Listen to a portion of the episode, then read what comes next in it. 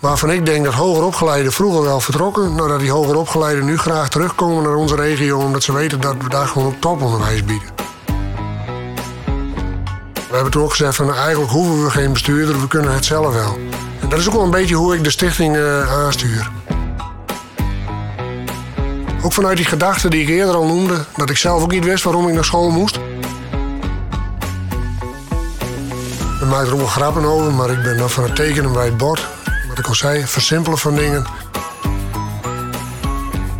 Ja, dat het een grote grijze brei is en dat je soms niet weet waar je moet beginnen. Dat is wat het is. Eigen, wijs en inspirerend. Een podcast over leidinggeven in het onderwijs. Onderwijs is van groot belang en het ligt vaak onder een vergrootglas. Wie geeft hier sturing aan? Welke dilemma's kom je tegen? Hoe kan je je hier het beste toe verhouden? Hoe krijg je het onderwijs en de organisaties in beweging? Wat drijft deze mensen? Vanuit welke gedachten handelen zij? In deze podcast komen leidinggevenden aan het woord die dat dagelijks met veel plezier en toewijding doen.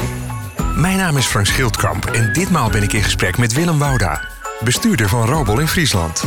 En zoals het in het onderwijs betaamt, starten we de kennismaking met het Vriendjes- en Vriendinnetjesboekje. Naam? Willem. Achternaam? Wouda. Geboortedatum? 20-3-1966. Woonplaats? Drogeham. Broers, zussen? Eén zus, Hanny. Burgerlijke staat? Ik ben getrouwd. Kinderen? Ook nog. Twee. Twee jongens. Uh, de jongste heet Sietse. Hij is 19 en de oudste heet Happy. Hij is 22. En mijn vrouw is Jetty de Boer. En we kennen elkaar al, ik denk, 30 jaar. Mijn collega's kennen mij als. Ja, dat is een goede vraag. Ik denk wel als een uh, enthousiaste, bevlogen bestuurder die toegankelijk is. Als de wekker gaat, denk ik? Dan denk ik. Direct, dat, dat staat bij mij direct aan. Het is niet dat ik dan eerst wakker moet worden. Dan ben ik al gelijk bezig met van alles wat er die dag komen gaat en wat ik zal gaan doen. De mooiste plek op de wereld waar ik geweest ben? Ja, ja mag ik één kiezen? Dan denk ik toch wel uh, Collioure. En dan, uh, dat is aan de Zuid-Franse kust tegen de Spaanse grens aan. Aan de Middellandse Zee. En waarom? Uh, ik hou heel erg van fietsen, van mooi weer, ook van zwemmen. En dat komt daar allemaal precies bij elkaar. Fietsen in de bergen, hele mooie Middellandse Zee, mooi weer, mooie terrasjes, fantastische wereld. En ik hoorde bijna Kill Your Darlings, als je er nog twee zou moeten noemen. ja, dan kom ik, dan kom ik iets dichterbij. Dan kom ik op Zuid-Limburg, het Zuid-Limburgse Heuvelland. Vind ik ook geweldig. En, en, wat ik ook een fantastisch iets vind, dat is het, het, het vakantieeiland Terschelling. Kom ik heel graag. Heb ik mijn vrouw ook leren kennen. Jouw beste beslissing ooit? Dat ik met mijn vrouw ben getrouwd. Mijn laatst gelezen boek? Spiral Dynamics Integral. Ik geef het liefste geld uit aan. Nieuwe fiets of nieuwe schaatsen? Welke film kan je oneindig vaak kijken? One Flew over de koekoeksnest. En wat doe je als je niet met je werk bezig bent? Ja, dan ben ik veel aan het sporten. Fietsen, skileren, schaatsen. Naar het voetballen van de jongens. Dat zijn wel de hoofdbestanddelen van mijn vrije tijd. En dit ben ik samengevat in drie woorden. Uh, enthousiast, energiek, positief, gedreven. We zijn hier bij uh, Robel in Buitenpost. Je bent hier in dienst sinds? Ja, eigenlijk al heel lang. Ik ben bijna mijn hele arbeidszame leven in dienst van Stichting Robel. Het is ooit begonnen als gemeente Karspelen. En dat ik daar als uh, schoolmeester aan het werk ben geraakt.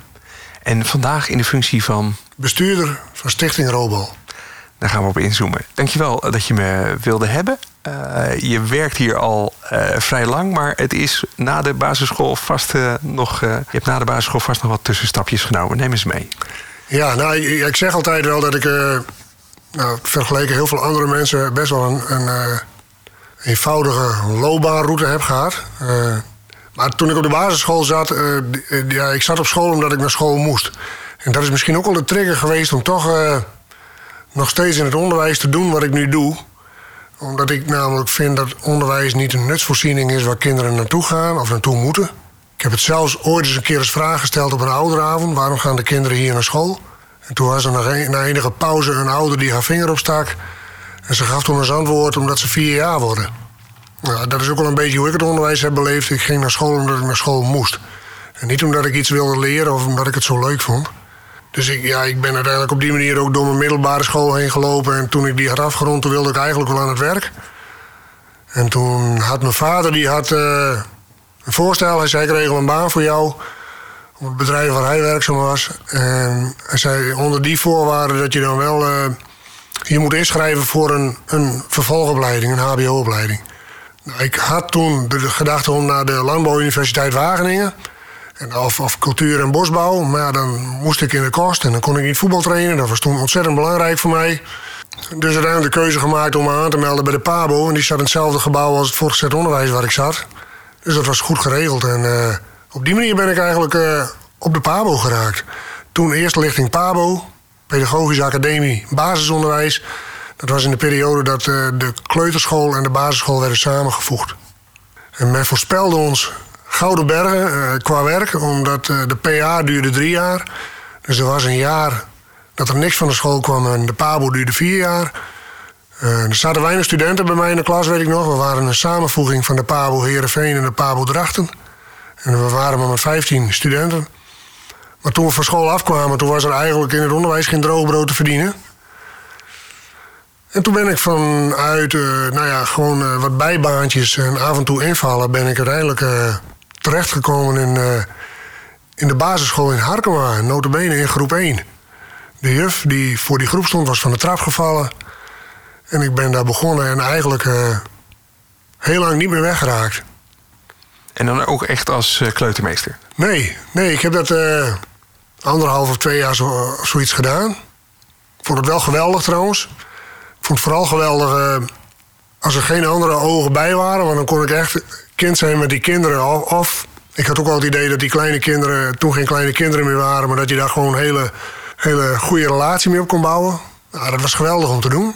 Ook wel een stuk toneelspelen erbij. Met elkaar over de, over de gang sluipen omdat er ergens een reus lag te slapen en dat soort dingen. een hele mooie tijd. En uh, uiteindelijk van van de kleuters naar de middenbouw. En uh, ik weet nog dat ik moest solliciteren. En dat was nog in de tijd dat er nog een wethouder en, en, en andere belangrijke personen achter in de klas zaten om te beoordelen of ik uh, voldoende geschikt was. En zo is het gegaan. En uiteindelijk weet ik nog dat ik op diezelfde school van middenbouw. En dan had de hoofdmeester had dan altijd de, de groep 8 en de adjunct-directeur de groep 7. En ik had op een bepaald moment in groep 5 kreeg ik een lichting kinderen. En die waren geboren of verwekt in het jaar van de Tsjernobyl-ramp. En dat was best wel een bijzondere lichting met, uh, met veel, uh, veel hoge pieken en diepe dalen. Nou, en ja, dat was een bepaald, dat mijn klus. En dat is mijn klus eigenlijk gebleven tot en met groep 8. Dus op die manier ben ik meegegroeid. En dat op een bepaald moment dat jong-directeur zei van... Willem, doe jij groep 7 maar. En uh, toen het aan groep 8 toe was, dat de directeur zei... Willem, doe jij groep 8 maar.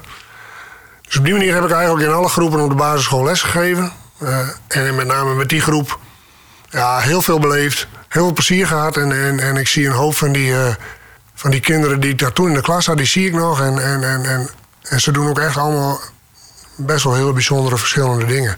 En dat uh, stemt mij wel tevreden. Dat vond ik ontzettend mooi om te doen. En na die school? Nou, dat is toen werd ik gevraagd of ik directeur wilde worden, of ze wilden solliciteren als directeur op een, uh, een kleine school in, in een naburig dorp. Toen werd de directeur van de betreffende school ziek. En dat was eigenlijk in de tijd dat de, inspectie de, de, de, de integrale schooltoezicht had ontwikkeld. Dat was omdat de resultaten in het onderwijs toch tegenvielen. Dus men had toen een stevig kader neergezet waaraan scholen moesten voldoen. En de school in Harkema was ook wel een beetje een, eh, een, een, soort van vesting waar de toen nog de gemeente maar moeilijk vat op kreeg.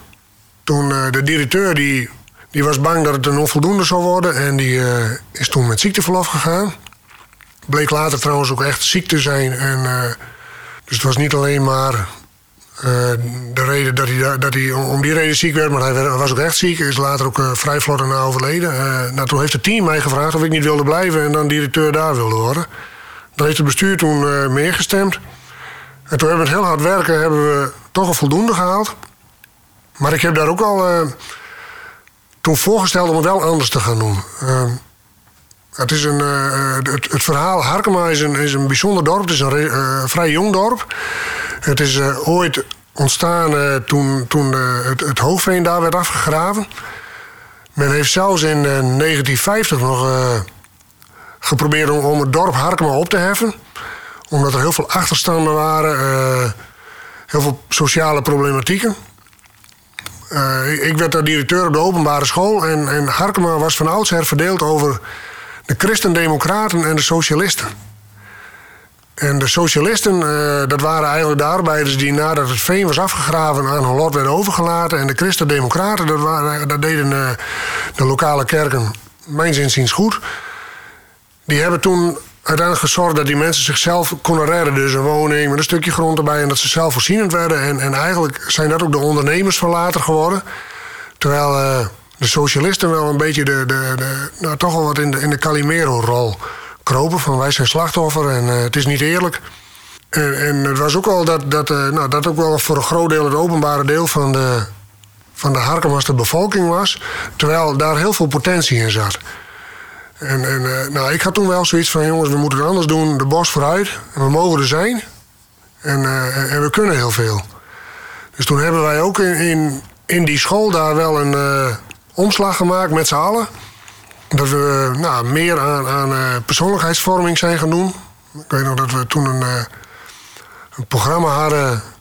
Dan ben ik de naam even kwijt. Het was een voorloper van uh, de Vreedzame School. Later hebben we de Vreedzame School daar geïmplementeerd. Maar ook dat wij toen heel erg zijn gaan werken aan het ambitieniveau van de kinderen. Ook vanuit die gedachte die ik eerder al noemde. Dat ik zelf ook niet wist waarom ik naar school moest. En dat een goede vriend van me ooit zei van ieder kind heeft een kingmaker nodig of verdient een kingmaker. Nou, dat wilden wij ook. Wij wilden uiteindelijk dat ieder kind, daar waar ze zelf even niet weten wat ze nou eigenlijk willen of moeten, uh, bij de hand genomen wordt door een leerkracht. Of, en, en, dat die uiteindelijk dan dat kind wel laat zien wat er allemaal te halen is in de wereld en, uh, en hoe je daar uiteindelijk kunt komen.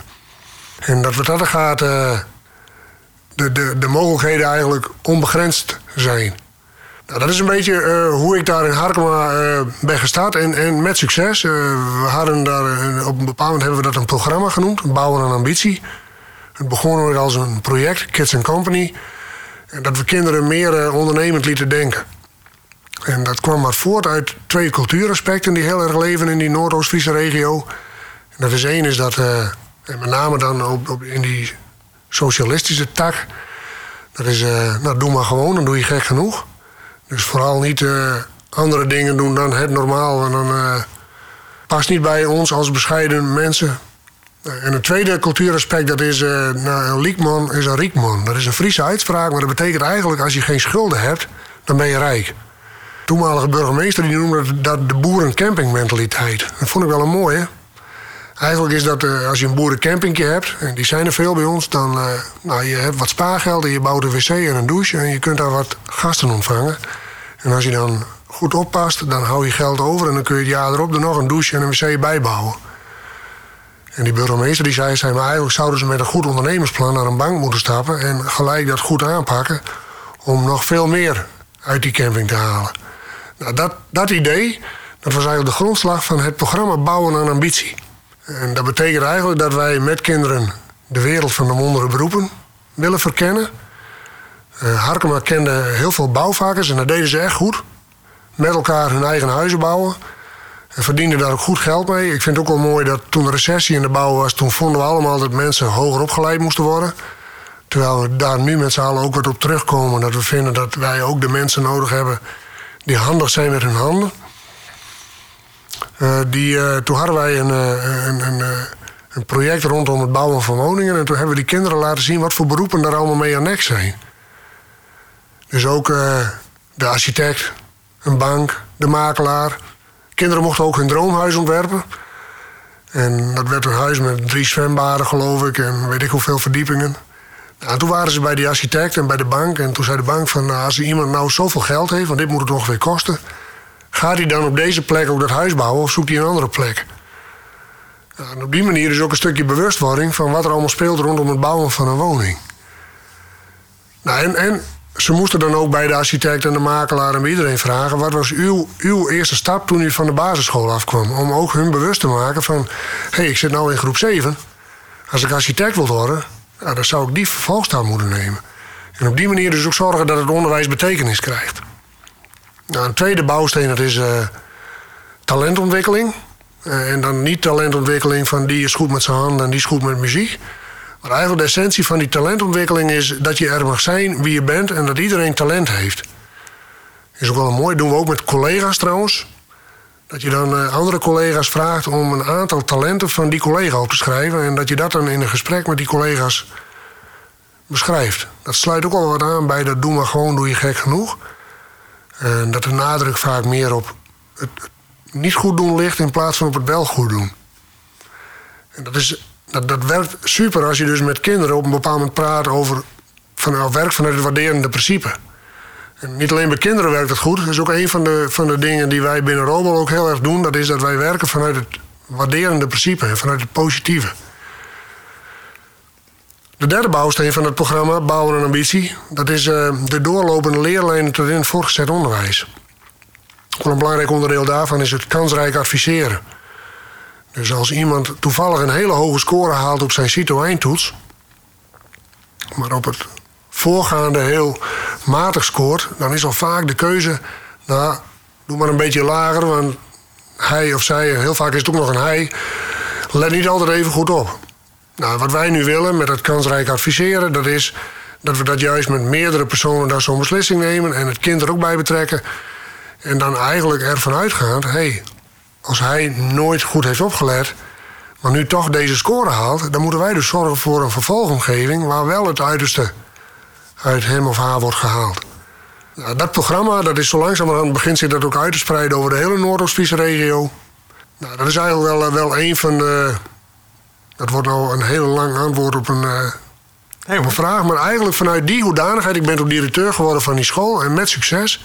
We wonnen ook de Onderwijs Innovatieprijs met dat programma. En uh, we zijn ook landelijk zijn we daar nog voor gegaan. Dat hebben we niet gered, maar dat was in de periode dat de basisvaardigheden toen heel veel extra aandacht vroegen. En een school die dus toen extra uren stopte in de basisvaardigheden won die prijs. Vond ik eigenlijk wel jammer, omdat ik echt geloof in als je heel erg werkt aan voorwaarden om te komen tot leren. En dat je zorgt dat kinderen hun sociale afremming minder wordt, dat ze zelfvertrouwen hebben. En dat ze dus een intrinsieke prestatiemotivatie krijgen door met hun die wereld van die wondere beroepen te verkennen en hun de mogelijkheden laat zien en hun daarin op een goede manier in begeleidt. Dan geloof ik ook echt dat dat een positief effect zal hebben op onder andere de basisvaardigheden. Dat is eigenlijk wat mij drijft. En uh, ja, toen. Uh, toen ik directeur was, toen heb ik op een bepaald moment wel gedacht van ja, ik ben al, al heel lang werkzaam aan dezelfde school. Ik heb ook wel gedacht van uh, wie ben ik nou eigenlijk? Uh, wat wil ik? En toen toch op latere leeftijd nog maar de stap genomen om bedrijfskunde te gaan studeren. En toen heel erg getwijfeld over de MBA of de MCC. De MCC en de MBA zijn voor een groot deel komen ze samen overeen. Wat het grote verschil is dat de MCC, dat staat voor Management of Culture and Change, zich wat meer richt op de zachte, factoren van de organisatie. Nou, dat vond ik eigenlijk. Uh, dat, dat heeft mij uh, veel moeite gekost. Maar toen heb ik ook echt uh, geleerd te leren. En dat ik ook echt, als ik dan een boek las, dat ik ook echt moest begrijpen wat, erin, wat, er in het boek stond. En dat ik niet het boek moest lezen om, omdat ik het boek moest lezen.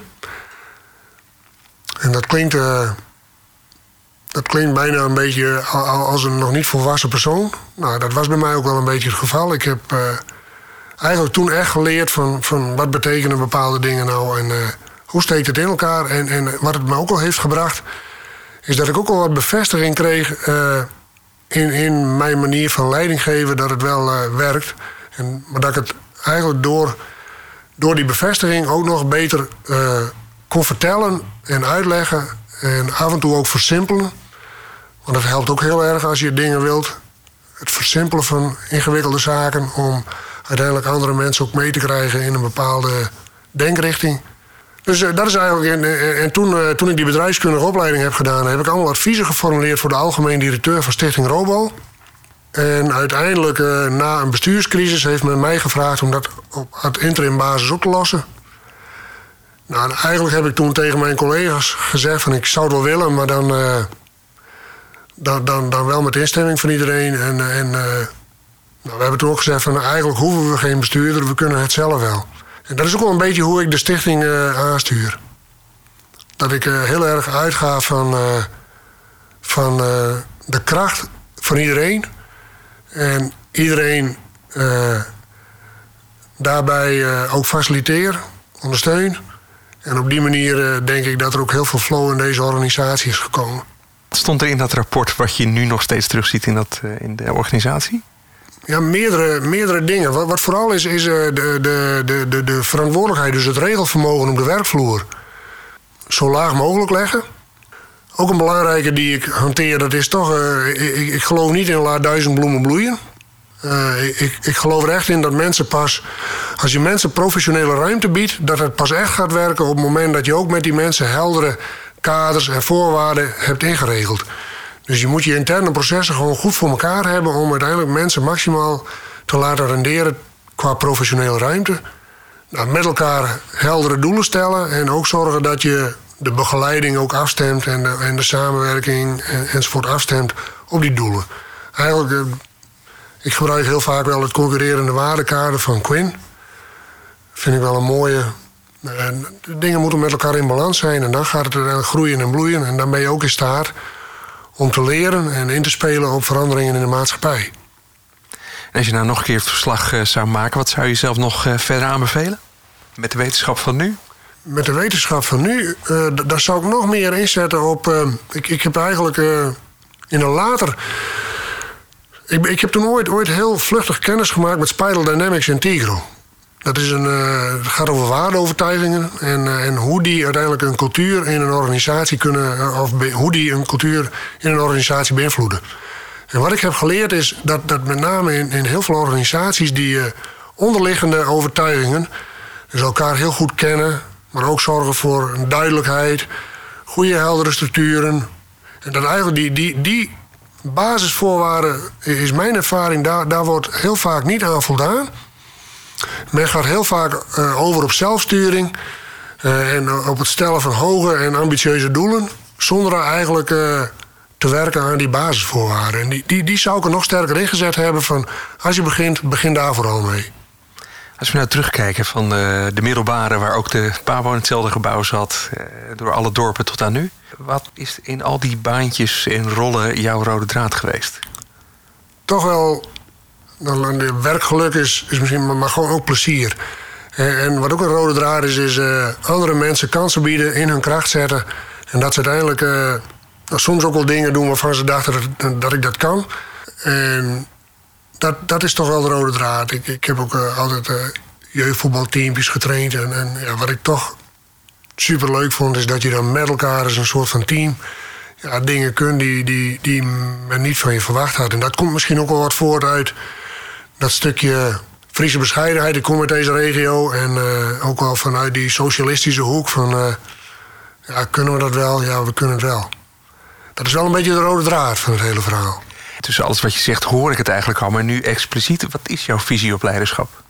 Ja, mijn visie op leiderschap is, is, is uh, ja, toch dat, dat je het wel integraal moet aanpakken. Maar dat vooral belangrijk is dat, dat je dat je vanuit, vanuit ieder zijn innerlijke drijfveren het met elkaar eens bent over waar je naartoe wilt. Daar begint alles mee bij mij. Het, uh, ik gebruik ook wel, ik ben dan wel van de schema's. Men, uh, men maakt er ook wel grappen over, maar ik ben dan van het tekenen bij het bord. Wat ik al zei, versimpelen van dingen. Ja, dat vind ik ook wel een beetje uh, hoe dat in onderwijs toen was. de cirkel van Simon Sinek, de gouden cirkel van ondernemen, die leg ik altijd als volgt uit. De hou dat is uh, waartoe moet het leiden. En eigenlijk moet je daarmee beginnen. En dan, en dan bedoel ik van eigenlijk moet je een beeld hebben van, van die jongvolwassenen. Als wij nou de kinderen op onze basisschool hebben. En we hebben die jongvolwassenen van een jaar of 20, 23. Wat voor mensen zijn daar? Nou, dat is dan de, de hou. Als we het daarover eens zijn, dan is de volgende is dan de what. Dat is de buitenste ring. En dat is eigenlijk als die kinderen nog van de basisschool afgaan. Wat kunnen ze dan? Met andere woorden, als je wil dat kinderen goed kunnen communiceren, wat betekent dat dan precies? En wat kunnen, zij, wat, gaan, wat, kunnen ze dan aan het einde van de basisschool? Of als je wil dat kinderen de Engelse taal op een bepaald niveau machtig zijn, nou, dan moet je dat in die what helder hebben. En, en als je die helder hebt, die twee, dan moet je pas na gaan denken over de hoe. En, en ja, wat mijn ervaring is en, en wat ik eigenlijk wel wat, wat ook uit onderzoek toen, toen bleek, uit, uit die aanbeveling, is dat de besturingsfilosofie van de overheid aan het einde van de vorige eeuw er toch al op gericht was om, om die resultaten beter te krijgen, gaan wij ons bemoeien met werkwijze. Dus met andere woorden, de hoe. En wij gaan voorschrijven hoe die hou ingevuld moet worden. Nou, dat heeft de begeleidingsdienst ook heel veel werk opgeleverd. En dat men allemaal formats ging bedenken. En uh, ik noem het direct instructiemodel wel eens als voorbeeld. Dan hadden wij een, een lijst met 26 bullets. Ja, ik geloof er niet in dat een leerkracht die 26 bullets uit haar of zijn hoofd kent. Dus mijn, mijn visie is, uh, die werkwijze die moet je eigenlijk, eigenlijk laten invullen door die mensen die met een gezond verstand en die geschoold daar die scholen van je binnenkomen.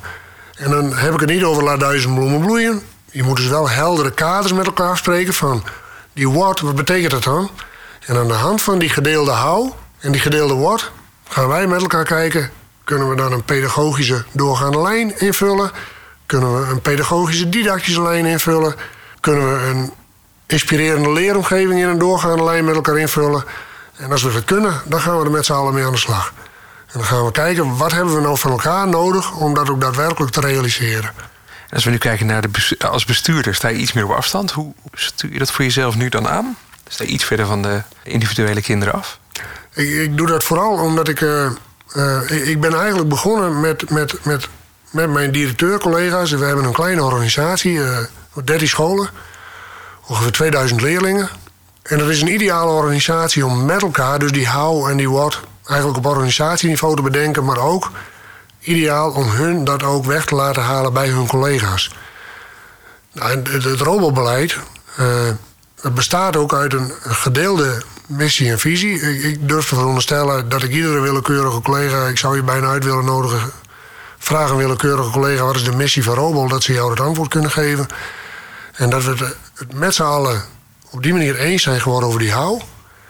En ook over die what, maar dan wel op robelniveau. Maar het robelniveau dat is eigenlijk gekomen vanuit schoolniveau.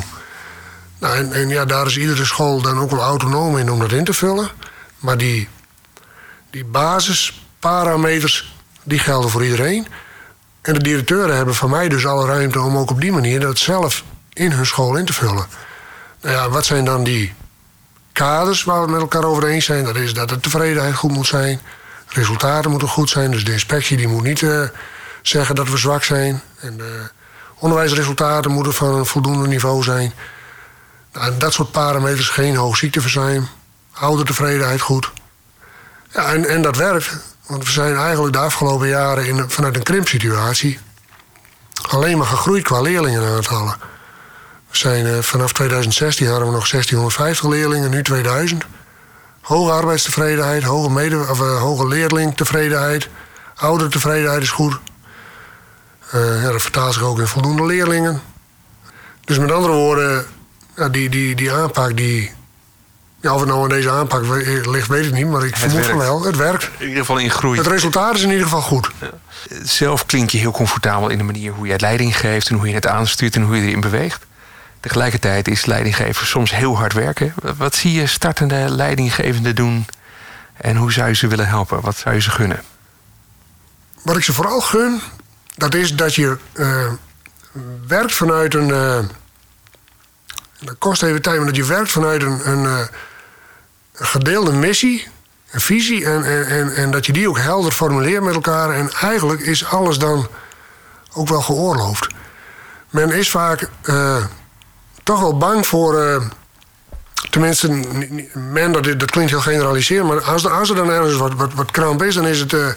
Nou, een mooi voorbeeld is de angst voor de inspectie. Terwijl, als je, als je goed kunt uitleggen waar je naartoe wilt, en dat je goed kunt uitleggen wat je hebt gedaan om daar te komen, ja, dan, dan hoeft die angst er niet te zijn. En, en heel vaak is mijn ervaring, is, uh,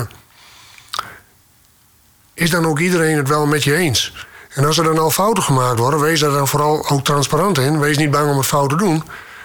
Want ja, als je je best gedaan hebt en het gaat ergens fout, dan kun je verwijden dat fout is gegaan, maar je doet het vanuit een goede bedoeling. Dus, dus ik zeg uh, ook tegen mijn collega's, uh, dat, daarbij helpt het werken vanuit het waarderende principe ook. Uh, wees vooral open in wat, wat lukt, maar ook, wees ook open in wat niet lukt. Hou het niet voor je, maar communiceer erover. Al hoe, gekke fout het ook is. Want dan kunnen we het er namelijk over hebben om het te herstellen en er iets aan te doen. Nou, dus met andere woorden, als je dan leidinggevende wordt, ja, dat het een grote grijze brei is en dat je soms niet weet waar je moet beginnen, dat is wat het is. Maar wees vooral open uh, in, wat je doet. Stel vragen. Denk dan niet van ben ik wel capabel. Nee, vooral dat niet denken, maar stel gewoon vragen, vraag hulp, communiceer erover. En dat maakt ook uh, dat dan, uh, nou, dan ook heel veel dingen eigenlijk ja, veel minder ingewikkeld zijn dan dat ze lijken af en toe. En, en omdat je het doet vanuit het hogere doel, ja, dan hoef je ook niet bang te zijn om daarop afgerekend te worden. Er komt heel veel op het onderwijs af, heel veel op de leidinggevende af. Waar moet het onderwijs minder van gaan doen? Ik denk toch dat, uh, dat, we, dat we wat we heel erg moeten doen, dat is dat we moeten waken voor uh, knellende interne procedures. Waarvan we eigenlijk niet meer weten waarom ze er zijn. Met andere woorden, vooral geen dingen doen die we doen omdat we ze moeten doen. Dat is een, een, een uh, ja, toch, toch wel denk ik de belangrijkste. Echt, ga met z'n allen in gesprek over die hou. Waartoe moet het leiden? Probeer een beeld te vormen van, van de leerling. En ik, ik, ik, werk ook heel vaak in die zin ook met collega's met, met een rolmodel. Stel je nou voor dat nou jouw zoon of dochter of een willekeurige leerling in een willekeurige klas zit.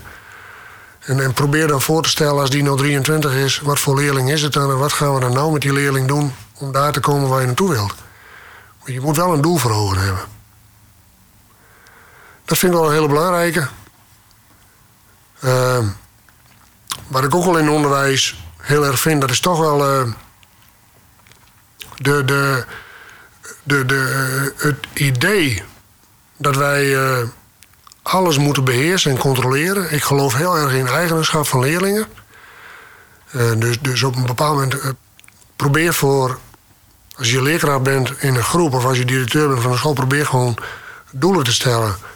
Maar, neem de leerlingen daarin mee. En vertrouw ook op, uh, op het feit dat leerlingen leergierig zijn. Dus dat ze ook echt wel willen leren.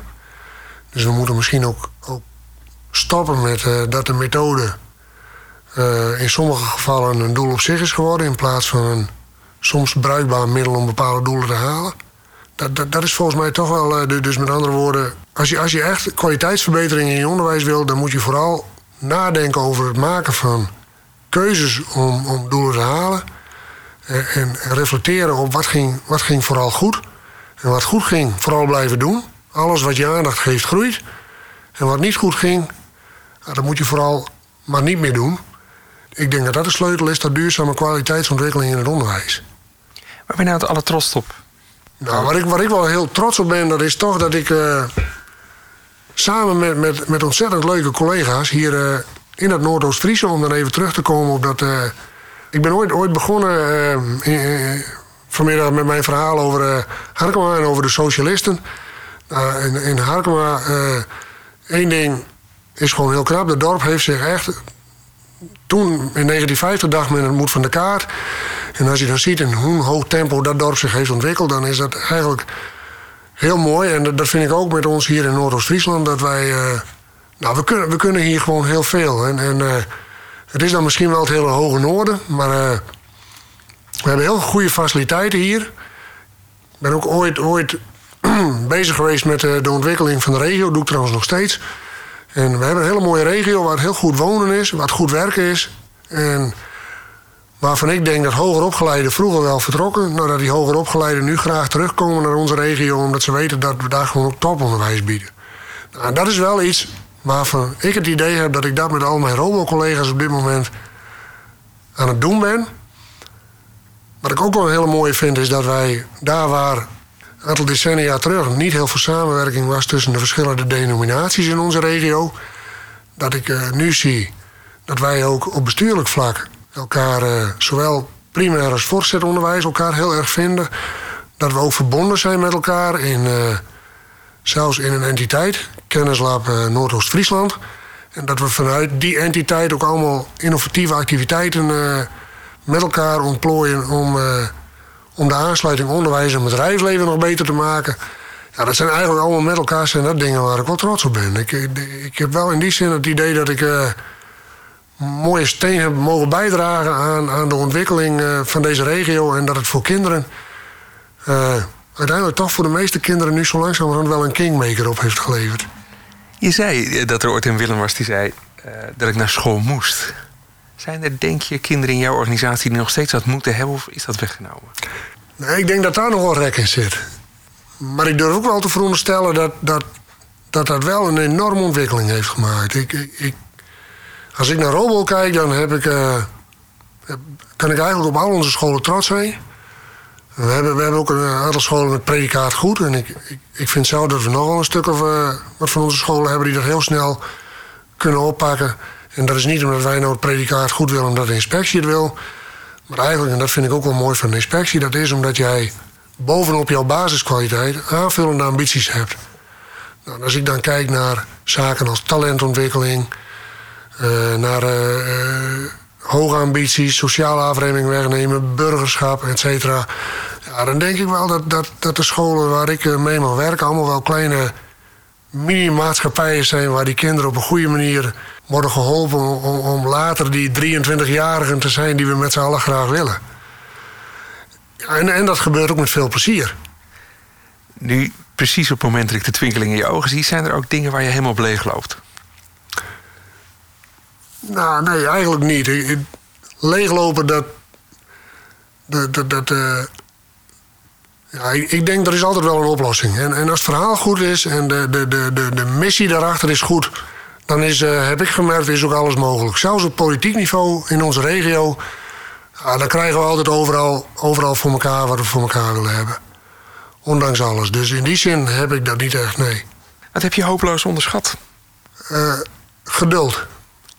Ik, uh, ik, ik, ben, ik ben, zoals ik ook zei, ik ben wel een gedreven iemand. En uh, wat ik wel heb onderschat is dat sommige dingen gewoon tijd kosten.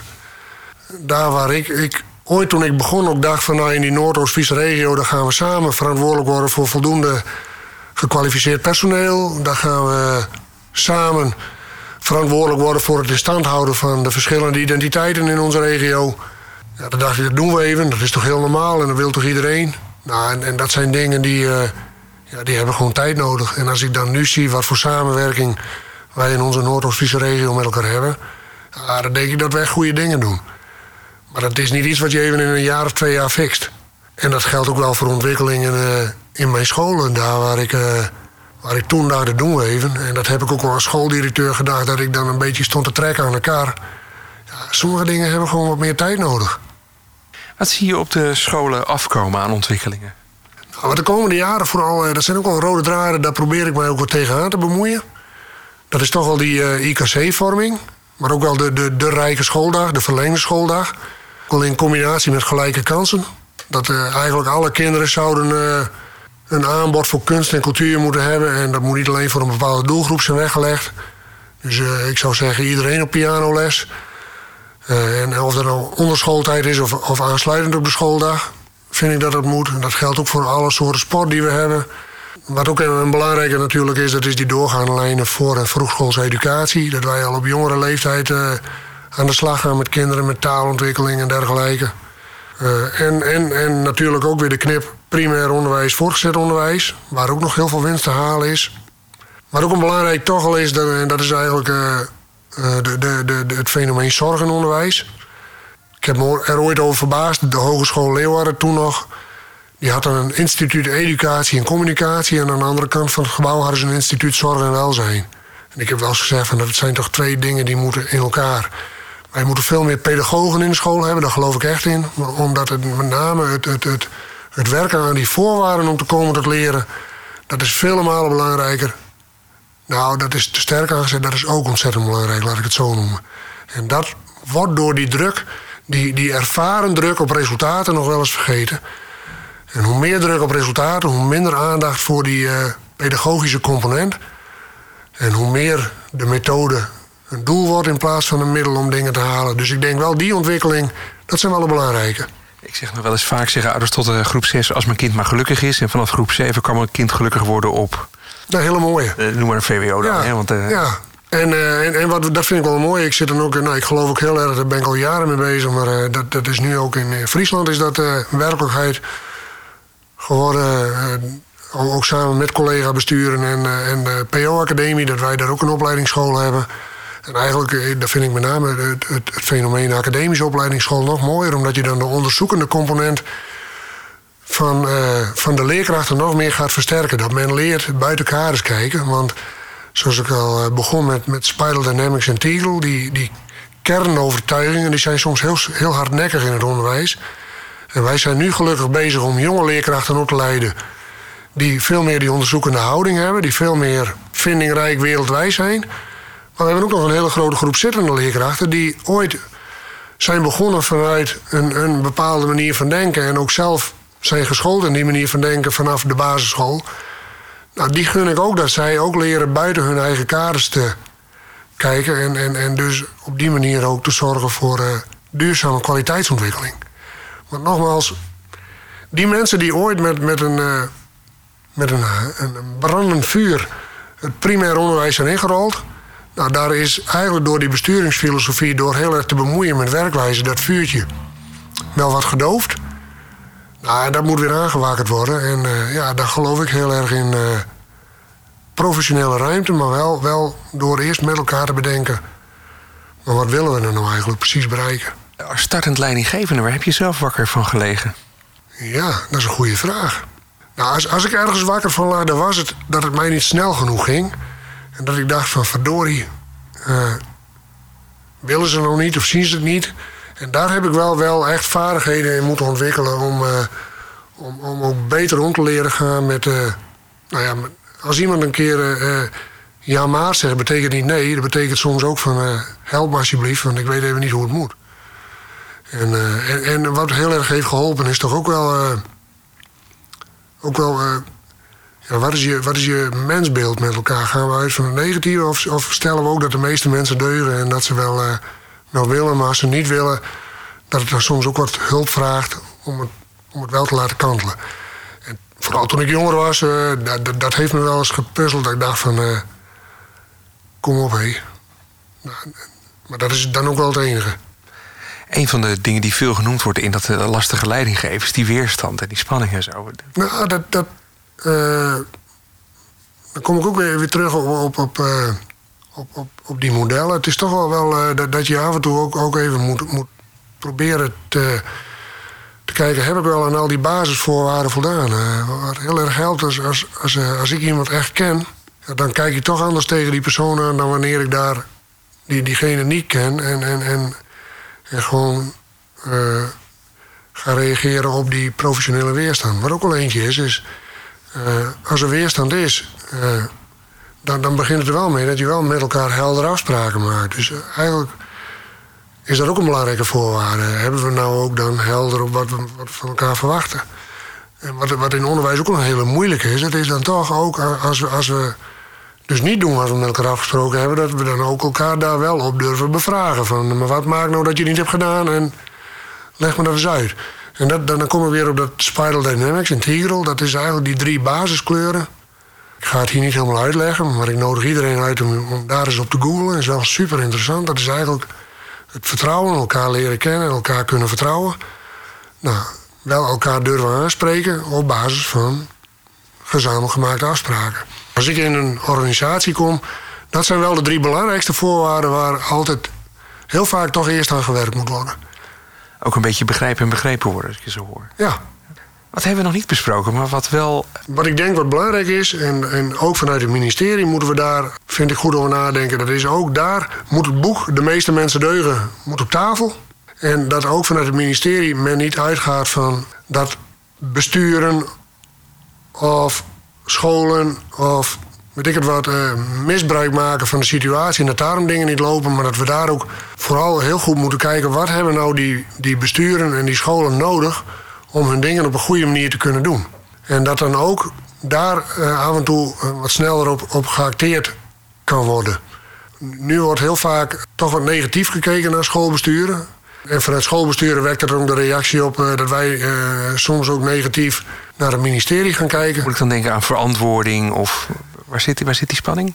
die, die spanning die zit hem vooral op eh, eh, met name inderdaad de, de, de verantwoording en de toekenning van middelen.